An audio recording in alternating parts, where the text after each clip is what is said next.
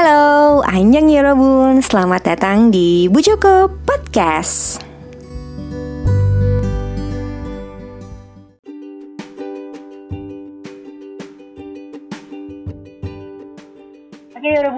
Jadi di episode podcast Bu Joko kali ini gue akan membahas tentang uh, gimana sih pengalaman kalau menjadi anak gunung, gimana sih di gunung tuh ngapain aja. Mengingat gue ini uh, juga salah satu orang yang menikmati konten-konten tentang tentang naik gunung di YouTube. Tapi karena gue nggak pernah naik gunung, gue pengen tahu dulu nih sebenarnya naik gunung tuh kayak gimana sih sebenarnya gitu pengalaman yang dirasain apalagi untuk uh, perempuan ya yang naik gunungnya gitu. Nah untuk uh, episode kali ini gue akan ngobrol dengan salah satu teman gue, teman nama gue sebenarnya, yang uh, sudah cukup malang melintang di dunia per naik turunan gunung ini ya. Tidak ada Sri Marwati yang akan gue sapa Enci selama podcast ini berlangsung dan jangan heran kalau misalnya dia akan manggil gue dengan Bul Bul Bul. Ini merefer ke nama gue, bukan karena gue bulat atau bukan karena muka gue mirip bule, oke? Okay? Anyong Enci, halo. Halo Bul, lo bilangnya malang melintang.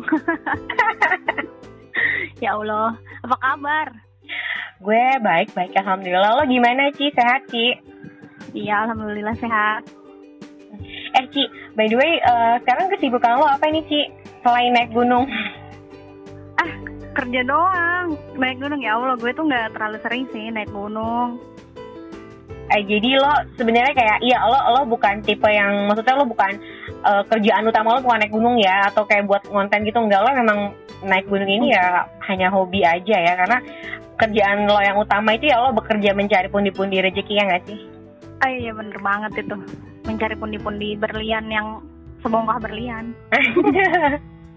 Tapi berarti lo sekarang uh, kesibukan uh, kerja lah ya yang utama ya? Iya betul. Nah Seinget gue nih ya Ci, lo kan dari dulu tuh hobi naik gunung ya. Dari hmm. kayak SMA apa gitu ya. Dan sekarang di tengah kesibukan lo tuh lo masih nggak sih naik gunung? Kadang-kadang sih kalau ada kesempatan ya, uh, apalagi kalau sekarang kan situasinya lagi pandemi, nggak terlalu sering. Cuman terakhir tuh bulan Desember kemarin sih terakhir. 2020 berarti ya?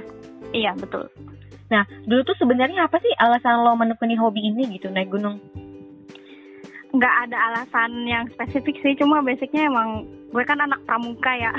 Oh, iya benar yang emang suka ngelayap gitu. Tapi ya sukanya ya nuansanya yang alam-alam gitu kayak hiking kayak outbound gitu. Jadi ya nggak ada alasan khusus.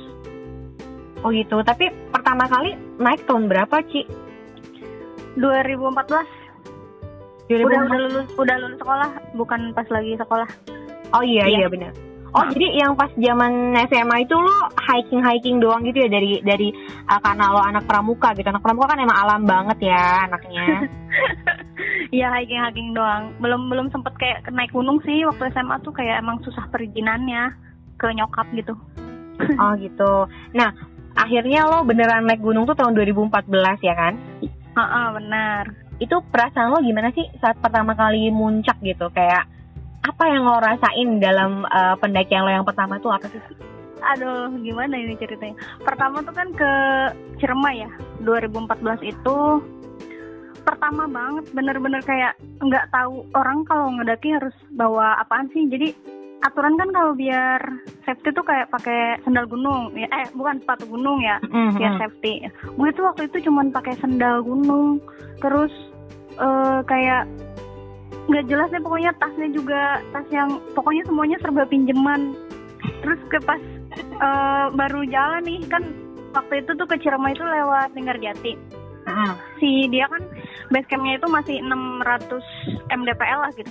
600 uh. meter di atas permukaan laut sementara puncak Ciremai itu 3078 jalan baru jalan itu doang baru jalan di aspal tuh kayak udah gue turun lagi apa ya? Tapi turun juga jauh tapi kalau naik makin jauh. Aduh gue harus gimana? Jadi kayak di antara pengen menyerah sama enggak akhirnya ya udahlah gue jalanin tuh. Sampai akhirnya bisa ke puncak Ciremai. Uh -uh. terus gimana tuh perasaan lo pas nyampe puncak? Speechless gitu kayak terharu. Terus kayak sedih juga tapi ya seneng juga. Nano nano manis asam asin. Gitu ya. Tapi uh, jadi dari tahun 2014 sampai tahun 2021 ini udah ke gunung mana aja, Ci? Gunung yang beneran gunung ya? Kalau kayak kalau kayak bukit-bukit gitu kan ya itu mah kayak hiking gitu. Heeh. Ke taruh diingat-ingat dulu. Hmm, 2014 berarti ke Ciremai, via Linggarjati. Hmm. Terus Novembernya tuh ke Papandayan yang di Garut. Hmm. Terus sempat vakum tuh sekitar empat tahunan lah. Terus 2018 tuh naik lagi ke Gunung Gede. Gunung Gede, Pia Putri. Hmm. Terus 2019 bulan Februarinya ke Ciremai lagi. Tapi lewat Palutungan, beda jalur. Hmm. Terus Juni Juninya itu ke Gunung Pangrango. Terus Agustus September, Agustus September soalnya itu akhir Agustus sama awal September. Tahun 2019 itu ke Lawu, Hmm. Gunung-gunung Lawu di Jawa Tengah. Maret 2020 ke Merbabu, Hmm. terus Desember 2020 ke Gunung Prau. Hmm. Terakhir itu ya 2020 ya? Iya. Nah, itu lo ada mention Ciremai sampai dua kali. Kenapa pertanyaannya gitu? Sementara gue tuh setahu gue ya, yang gue nonton di YouTube YouTube anak yang naik gunung itu, Ciremai itu pendakian yang dimulainya tuh udah tinggi gitu.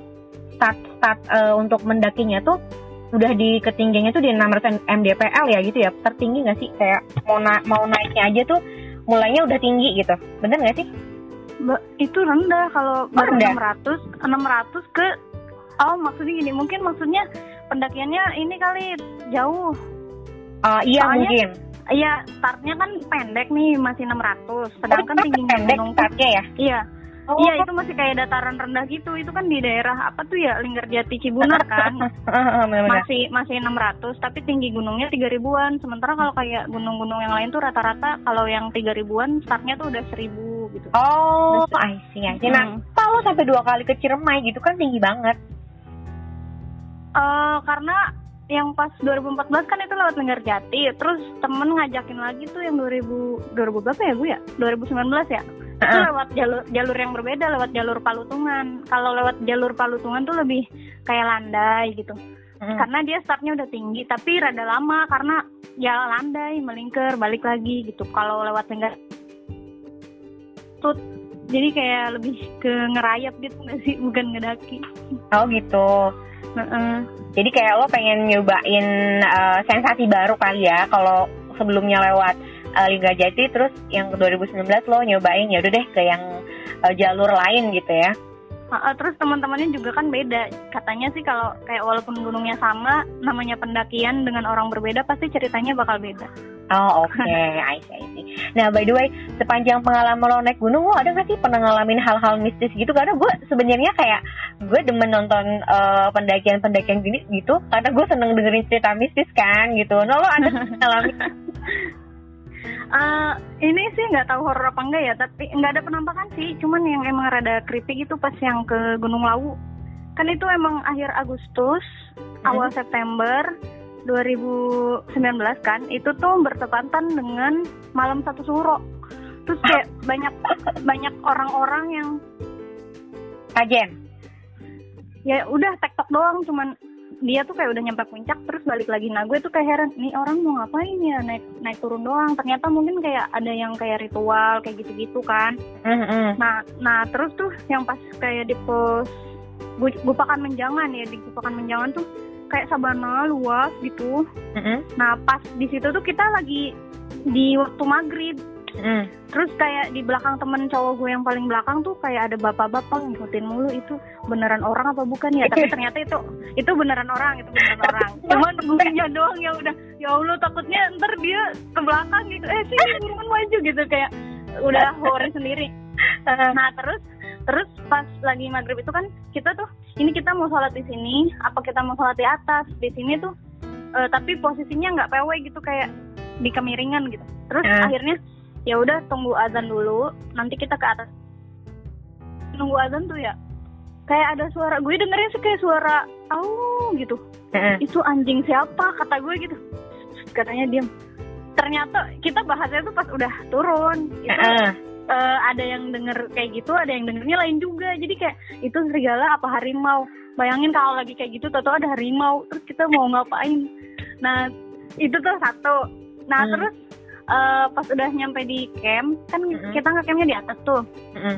nah gue tuh emang gue lagi dapet juga hari kedua gue Ya Allah gue gila. lagi gue lagi banyak banyaknya dan gue juga kalau aduh mau pipis gimana ya aduh Heeh. gak jelas pokoknya ribet nah terus gue sempat muntah gue sempat mimisan di malamnya itu temen gue pagi-pagi eh di malamnya eh, dia tuh kan cowok tenda berlima Mm-mm. gue berdua sama teman cewek pagi-pagi tuh pada ribut si cowok tuh woi sarung gue mana woi sarung gue? Kata dia kenapa sih? Kata aku gitu. Eh kata aku aku apa gue nih? Bebas bebas. eh, bebas bebas. Nah ada apa sih ada apa sih gitu. Terus sarung gue hilang katanya ternyata dia tuh tidur tidur tuh pakai sarung Dan dia di dalam sleeping bag. Lo tau sleeping bag gak Tahu tahu tahu. Heeh. yang kayak kantong tidur kan? Heeh. jadi dia tuh dia tuh pakai sarung pakai sleeping bag. Tapi pagi-pagi sarungnya ada di luar tenda sedangkan dia di dalam sleeping bag.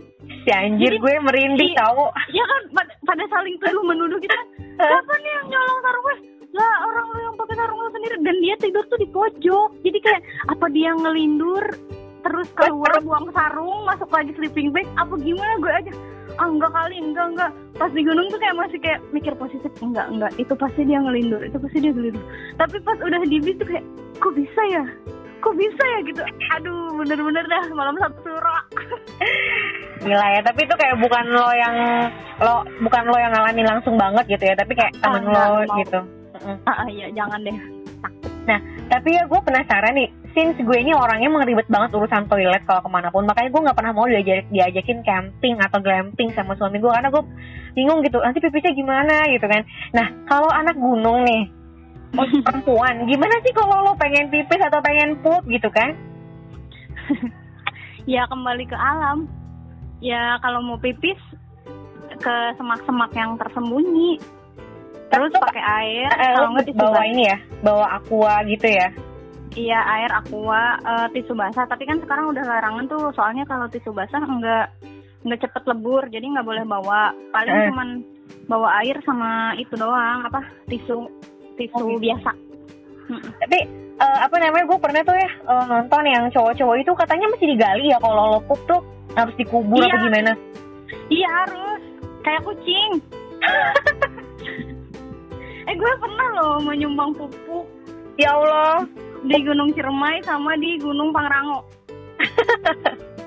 Kalau yang di Pangrango itu eh, jam 8 malam itu berdua, gue sama temen cewek gue dia juga mules. Dan kita tuh kayak cuman jarak satu setengah meter lah, kayak dia gali di sana, gue gali di sini. Terus di atas tuh kayak langit berbintang gitu. Udah tuh kayak kayak di kampus warga yang zaman dulu. Tapi nggak ada apa-apa tuh, nggak ada yang nonton. Yang enggak lah, enggak cuman kayak konyol aja. Konyol tapi gimana kalau nggak dibuang ya nggak bisa juga. iya benar-benar. lo pasti nggak bisa ngebayangin deh eh tapi kalau glamping ikut aja glamping kan ada toilet Iya. Cuman gue kayak ya ya mungkin gue nanti akan camping ya. Tapi kalau yang camping-camping banget gitu kayak gue stres deh. eh tapi kalau camping camping biasa yang wisata terbuka gitu kan ada toilet juga musola fasilitas kayak gitu kalau Karena- gunung kayak gini kan emang nggak ada Iya ya sih benar. Tapi by the way eh, dari semua gunung yang lo udah daki dari semenjak 2014 itu ada ini gak sih yang gunung mana sih yang menurut lo kayaknya paling favorit banget gitu? hmm, gunung merbabu Merbabu sih gimana Soalnya- sih?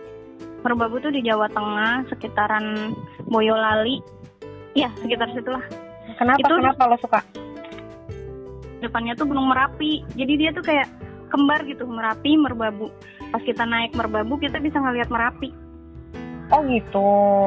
Mm-mm, gede gitu nampak di depan. Eh, Tapi- Cuman ribet juga. Ribet kenapa? Soalnya dia eh, kan gue lewat selo waktu itu. Jadi kalau kita bawa barang bawaan apa di stock taking kayak tolak angin ada berapa? 10. Nanti pas turun tuh sampahnya dihitung lagi. nggak boleh kurang. Jadi kayak masih utuh 6. Sampahnya 4. Ternyata sampahnya kurang nih, cuman ada tiga Disuruh nyari. Oh my god. tapi emang saking mungkin ya buat kebaikan gunung juga ya kayak biar nggak kotor nggak sama sampah tapi Iya. disiplin ketat banget gitu ya iya terus kelompok di depan gue ada yang kayak varian minus gitu sampahnya terus pada disuruh push up sama bayar denda dendanya berapa tuh sih kalau kayak gitu gitu kayaknya sih nggak nggak mahal cuman kayak buat beli trash bag baru aja di situ. Cuman kan bayangin baru turun gunung suruh push up coba. Udah bagus nggak pingsan ya? Iya. Tapi lo ada saran nggak sih kayak apa aja sih hal-hal yang boleh dan nggak boleh dilakukan? Misalnya untuk calon pendaki yang sama sekali belum pernah naik gunung nih kayak gue misalnya gitu kan. Pengen memulai pendakian apa dong gitu yang mesti disiapin Hmm, pertama-tama sih kalau mau memulai pendakian tuh ya perbekalan yang lengkap. Jadi Hmm. kayak peralatan tuh jangan menyepelekan lah gitu kayak sleeping bag buat tidur itu harus sepatu jaket anget yang kayak gitu gitulah pokoknya. Jadi jangan dianggap tuh kayak naik gunung tuh buat main-main. Soalnya kena hipo dikit juga ya mungkin kita bisa lewat lah ya. Iya terus benar. apa sih eh, cari teman yang bisa dipercaya yang nggak bakal ninggalin. Jadi kita naik gunung mungkin tujuannya mau puncak. Tapi Mm-mm. puncak tuh cuman cuman bonus. Yang terpenting itu balik lagi dengan selamat nggak ada yang kurang. Buat apa kita ke puncak kalau ngelupain temen? Banyak kasus-kasus pendakian yang orang meninggal di mana terus temennya ternyata ninggalin kayak gitu-gitu. Terus sense-nya naik gunung tuh apa gitu loh. Soalnya kalau kita habis naik gunung harusnya pas balik kita harusnya jadi lebih dewasa Oh iya satu lagi, apa apa Eh, gunung itu kan bukan rumah. Heeh. Jadi kita cuma numpang, ya sikapnya dijaga lah, terus perkataan juga. Soalnya kan kayak takut ada yang dengar atau nggak terima. Ya Iya. jadi jaga sikap. gitu. Oke, nah tuh Yorobun itu tadi udah cerita dari Anci tentang pengalaman dia mendaki itu dari tahun 2014 sampai 2021 begini. Bahkan dia bonusin tuh eh, saran-sarannya buat kalian buat Yorobun yang mungkin mau memulai pendakiannya boleh diikutin ya kan? Eh Ci thank you banget ya udah mau ngobrol di podcast gue. Sama-sama, makasih juga udah ngundang ya Allah. Secara gestar gitu apa gitu, yang naik gunung banyak. enggak enggak enggak gue cuman, gue kayak cuman, aduh apa sih, hobi doang dikit gitu. gak apa-apa kalau menurut gue kayak setiap orang tuh berhak untuk eh, bicara gitu buat diajak ngobrol tuh berhak banget untuk diajak ngobrol ke Bujoko Podcast oke ya Wih, Thank you banget ya. Eh, next time mudah-mudahan ada tema lain yang bisa kita obrolin lagi di Bujoko Podcast mungkin ya. Ya, oke. Siap, tinggal kontak aja. Siap. Oke, Yorobun. Dasiman nayo. Annyeong.